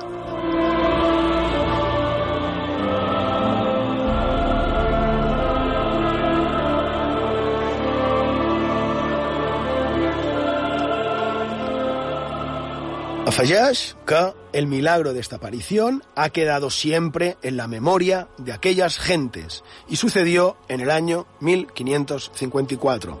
Es que no hi ha per manco. Quina passada.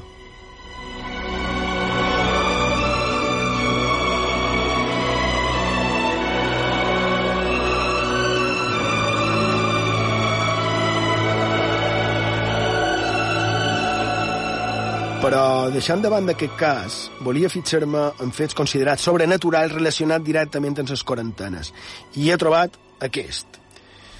Uns són alliberats, a prop de 300 persones, dins un vaixell, tornen cap a la vella Europa i, com marcava la norma, havien de passar el període de quarantena. Així que ja els tenim, eh?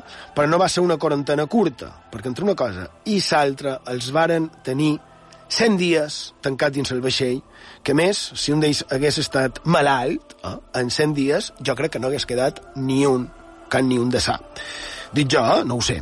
Y no diu, fueron estos 100 días de molestias y angustias para la redención, pero también se vio la particular protección de nuestra Santísima Madre, obrando el Señor milagros para librar a los redentores y cautivos de los peligros en que se vieron. Milagro fue que siendo la embarcación muy pequeña y cerca de 300 las personas que en ella había, después de tantos días en la estación de los calores y tan apretados y mal alojados, ni una muriese ni enfermase. Milagro fue que habiéndose pegado fuego dos veces en el barco y una de ellas muy cerca de la Santa Bárbara, de suerte que muchos se arrojaron al mar creyéndose perdidos, invocando el santísimo nombre de María de los Remedios, se apagase el fuego. Milagro fue que infestadas aquellas costas de fragatas de moros piratas y que hacían sus presas, jamás les abordasen, sino que pasasen siempre de largo.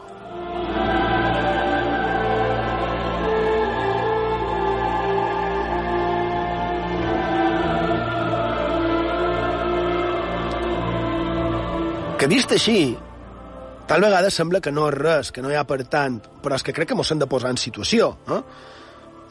De fet, a més, en aquesta ocasió, aquesta ordre dels mercedaris es va veure ben afectada econòmicament per mort de les despeses que això provocà. 300 persones, 100 dies d'alimentació i, a més, li havien d'afegir totes les robes, perquè hem de recordar que tot, quan tornaves, tot es cremava. Tornaves sense res.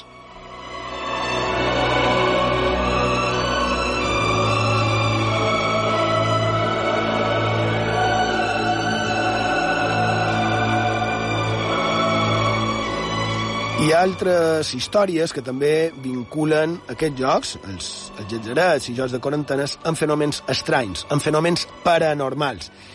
I jo crec que dels que he trobat, el, el més curiós, interessant i inquietant és el que va succeir a mitjans del segle XVI a l'actual part de la quarantena, a Aigua Dolça, a la ciutat de Palma, ben a prop d'on era la zona de, de marxa no? de, de Gomila als anys 80 i 90, que, que per cert, l'imatge que il·lustra el programa 315 a, a les xarxes és precisament la porta d'aquest, ja dic, actualment eh, es parc, no? però era la porta que hi havia en aquell antic joc de reclusió forçosa per tal d'evitar propagacions de malalties.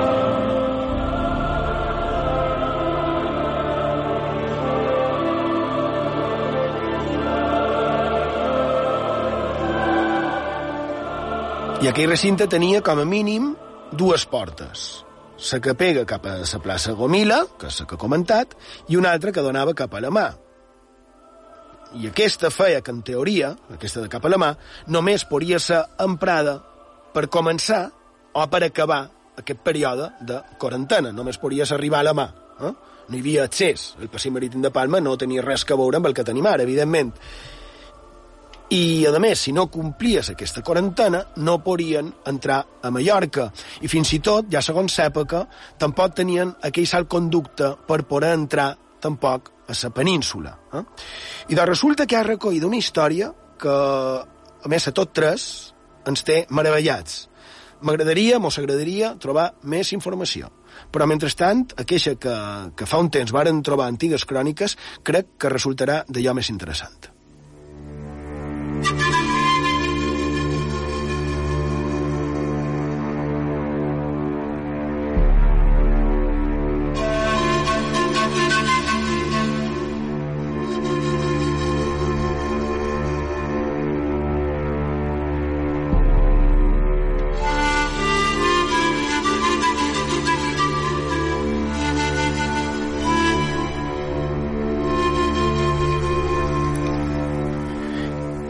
I en aquell llaceret, tancat entre murades, que encara queden bocins, on es passava aquesta... on t'obligava, millor dit, a passar aquesta quarantena, també hi havia un oratori. En aquell temps era fonamental. No imaginava no tenir un oratori.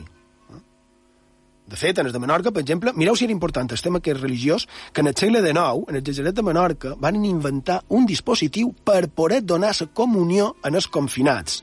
Eh? Jo diria que estava com a homologat perquè, clar, això ho vam veure en l'exemple de, de l'illa de Molokai, on els mateixos religiosos que anaven a cuidar dels malalts acabaven contagiats, no? Era, era un fet. Els capellans, que eren els lletgerets i els de quarantenes, segons el motiu d'epidèmia, també acabaven morint. No? I per això van inventar el sistema de donar la comunió a distància. Eh? La pena és que pel, que pel que he vist, pel que no he vist, aquest estri, aquell utensili, no sé com definir-ho, es va perdre quan la Guerra Civil del 36. Eh? Només he trobat que es va anar a fer l'any 1823 a un pleter menorquí i que el seu cost era de 320 reales de vellón. Eh? Sona, sona xulo, això de reales de vellón. Com dir, lo de real de a 8 Eh? Qualque dia haurien també de parlar de, de monedes. Eh? El cas és que varen idear una mena de, de pal per donar la comunió a distància. Així era d'important la religió. I de tornant en aquell oratori, en el Geseret de Palma, hi havia una Mare de Déu a la façana, damunt centrada, a, a l'oratori. El cas és que, segons costa en aquests antics escrits, hi havia un vaixell ancorat davant dels Geserets, d'aquest Geseret. Els mariners havien de passar aquest temps establert per tal d'evitar la propagació, evident, de, de possibles epidèmies. I un d'ells, un d'aquests mariners, que diuen que era genovès, mentre estaven jugant a les bolles, a Mervel, com que perdia, es va enfadar i va agafar una d'aquestes bolles i la va llançar contra la imatge que hi havia a l'oratori d'aquell llaçeret on eren obligats a ser-hi confinats. I aquella imatge, que no era una altra que la que a dia d'avui es coneix com la Mare de Déu del Miracle, i en aquesta imatge Sabolla li va ferir una cea i va saber-li Sabolla xapar-se una mica la pedra de la imatge, d'aquesta estàtua, que era de pedra, i començar a brollar sang.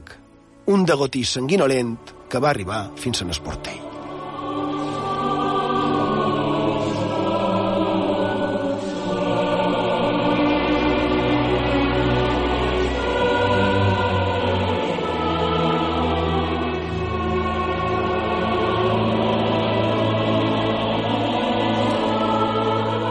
Des de llavors, eh, aquesta Mare de Déu, que miraculosament es va posar a brollar sang, se la venera amb aquest nom. I dic se la venera perquè la podem trobar a l'església de Sant Magí, a Palma, que per cert ben a prop d'on era el Geseret i cementeri dels religiosos, quan hi havia epidèmies. Però és que, a més, en aquest cas, hi ha constància, segons el cronistes, d'un auto signat pel, pel notari Jaume, Jaume Puig l'any 1542 i que, a més, és que no acaba aquí la història. Perquè els mariners, amb s'esglai, van fugir. No hi havia per manco. Imaginem la situació d'una figura de pedra, d'una mare de Déu de pedra, brollant sang. I d'ells varen fugir per la porta aquesta que he comentat abans, que anava cap a la mà. L'única opció que tenien era tornar en el seu vaixell, i això és el que fan. Aixequen àncores i parteixen. I jo quan eren ermit de l'abadia, de l'abadia de Palma, a la vista de tothom, que més la gent ja era coneixedora d'aquell prodigi que acabava de succeir i de quan era ermit de l'abadia, en un dia clar i solejat, i ni més ni manco que diuen que del cel baixar com un raig, un raig que va xuclar primer el genovès que havia tirat aquesta boia i després en el vaixell i a tots els navegants i els va fer descompareixer.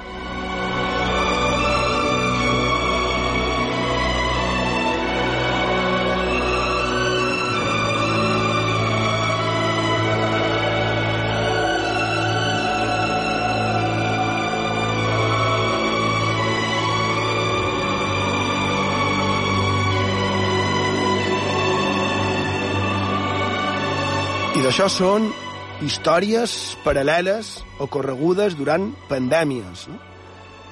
Quines quedaran per la història de jo d'aquestes que han viscut en aquest 2020, no, Sergio? Sí, la veritat és que, jope. Varen comentar, en, en, plena, en ple confinament, vàrem estar comentant aquelles iniciatives per part d'arxius Sí, per, per recordar no, aquesta, aquesta pandèmia que hem viscut l'any... La primera i, i meitat de segle des, des l'any 2020. I, I que es contessin aquestes vivències que la gent va tenir, no? Quines mm. històries mos deixarà? I de, no, no ho sabem. Clar, evidentment. No crec que com aquestes espero que no n'hi hagi moltes, perquè fa Bé, una miqueta si, de cosa. si són d'aquest caire i no acaben del tot malament, tampoc fa res. Ja, però és que aquests senyors no han sabut què va passar amb ells. Seria, I seria interessant el que deies abans, eh, mirar de trobar més informació. És, és un cas que ho deies també fa un moment, eh, mos encanta, eh, comentant moltes vegades entre nosaltres, perquè és, és de lo més estrany que te pot tirar la cara, com aquell que diu, i a més, quan parlaves de, dels mercedaris i, de, i del llibre que has citat, m'ha fet gràcia perquè és un llibre que també he consultat en, en certa freqüència i sí que és cert que està ple de, de fenòmens estranys.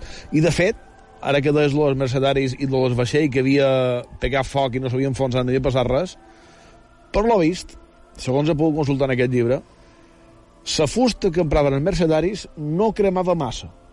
Hi ha més, més detalls i més casos semblants, com per exemple un, una figura del bon Jesús que se conserva a l'església de la Mercè de Palma, que havia estat en el nord d'Àfrica, els musulmans l'havien volgut pegar foc, la van tirar dins una foguera i no va cremar. Mm, I venien d'Àfrica. Efectivament. Probablement era una d'aquestes fustes tan Suposant que devia ser... sí. Sí. Però la qüestió és que dia d'avui se conserva encara també a i és, i és curiós.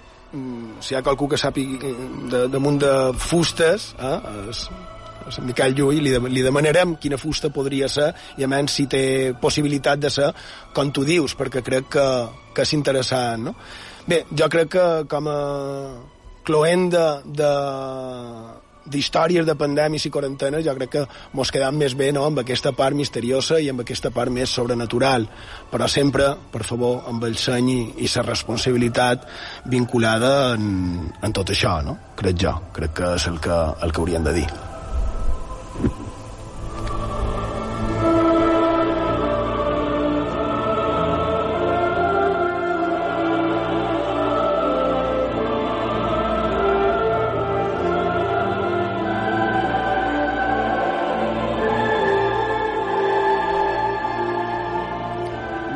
m'havíeu dit que volíeu dir qualque cosa, Sergio Borja, i els micros són vostres. El nostre tradicional acomiadament de temporada.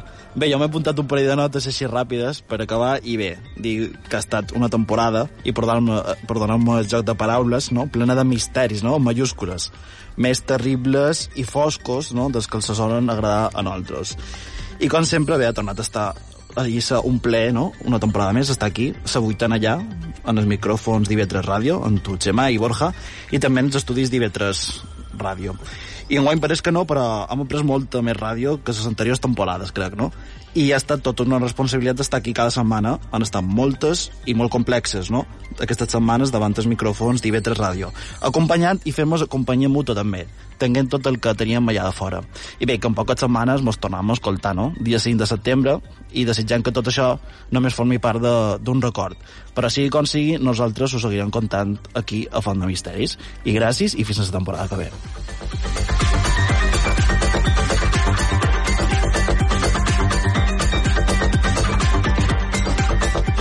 I jo també he fet eh, clàssic acomiadament de temporada, d'aquesta vuita temporada, només dir, com sempre, que ha estat un, un ple, ha estat un honor, ha estat una temporada també molt estranya, evidentment estic tot d'acord. Jo aquesta vegada he trepitjat Mangos Estudi 1, no, no ho puc negar, he fet, he fet ràdio de distància, que també ha estat divertit de la seva manera, ha estat curiós i estrany, a més, eh, jo, jo ja no ho saben, però vos posava cares per les càmeres i me posava capells i coses estranyes. I... Per això que hem après molta ràdio i també hem innovat molt. Uh, efectivament, perquè fer ràdio en tele... tele... Teleràdio. Sí, tele, telemàticament amb en Borja eh, és insofrible, també ho dic, eh? Però I bé. també hem aconseguit el nostre partit de particular de no repetir cap sintonia durant la temporada, i he fet un càlcul així molt ràpid davant de començar el programa d'avui. No és exacte, però sí que puc dir que hem superat les 1.600 sintonies. Bé, aquestes coses, puc dir friquis, que feim a, a Font de Misteris.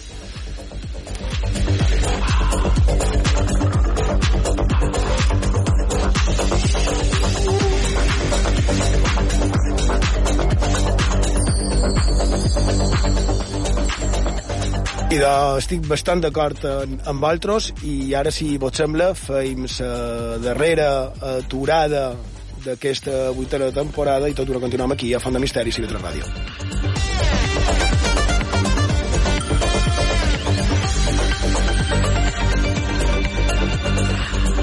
Misteris i llegendes a Font de Misteris, amb Xema Font.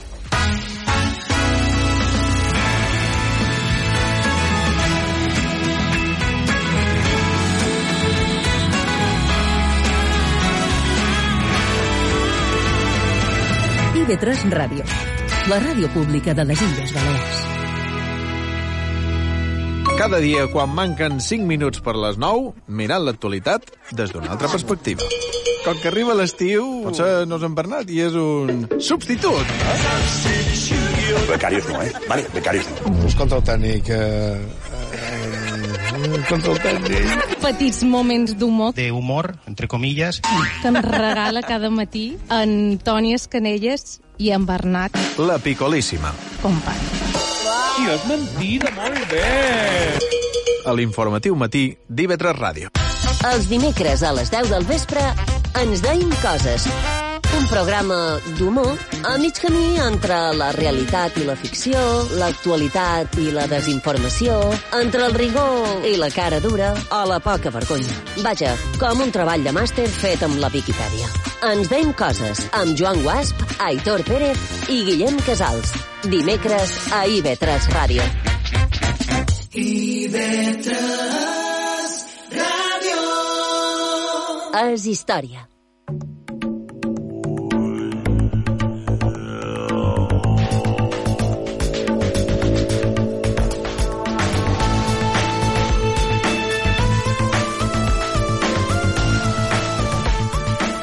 I doncs hem arribat a la fi del programa d'avui. Esperem que hagueu passat una estona agradable i que hagueu pogut treure qualque cosa de profit d'aquesta font de misteris.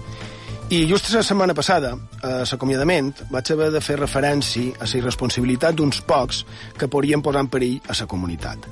Va ser quan vaig contar jo d'uns que, a més de no dur-les, eh, se'n reien de, del tema de les mascaretes. Ara, sense entrar en detalls, serà obligatòria a la nostra comunitat autònoma la utilització de mascaretes. Esperem que amb aquesta mesura basti, eh? esperem.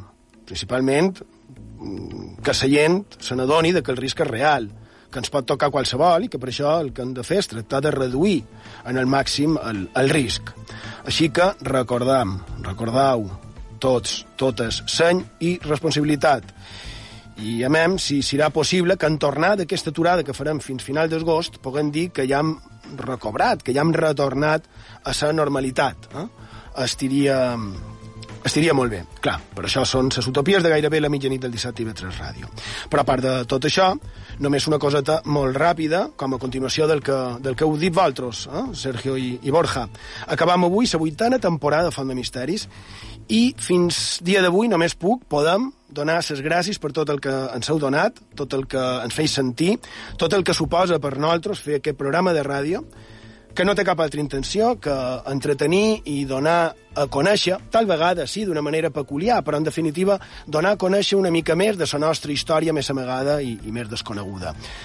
Ho he dit sempre i ho diré sempre. És tot un honor i un privilegi per estar en el front d'aquest grup d'utòpics eh?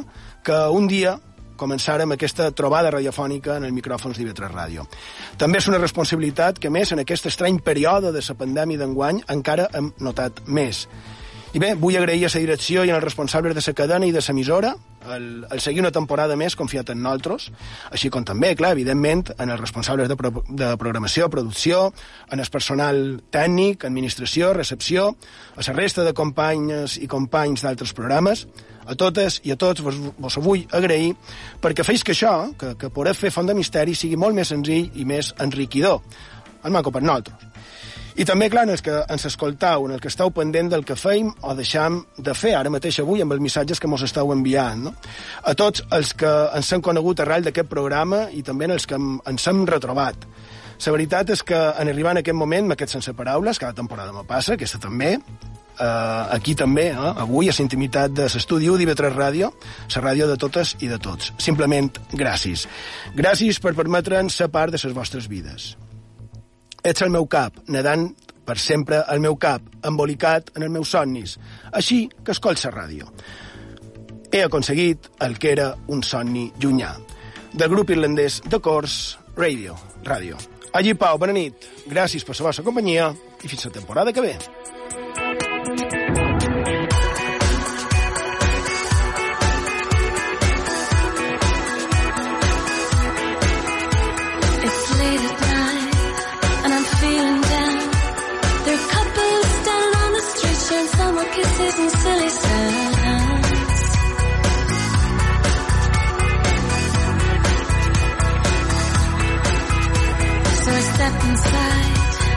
Glass of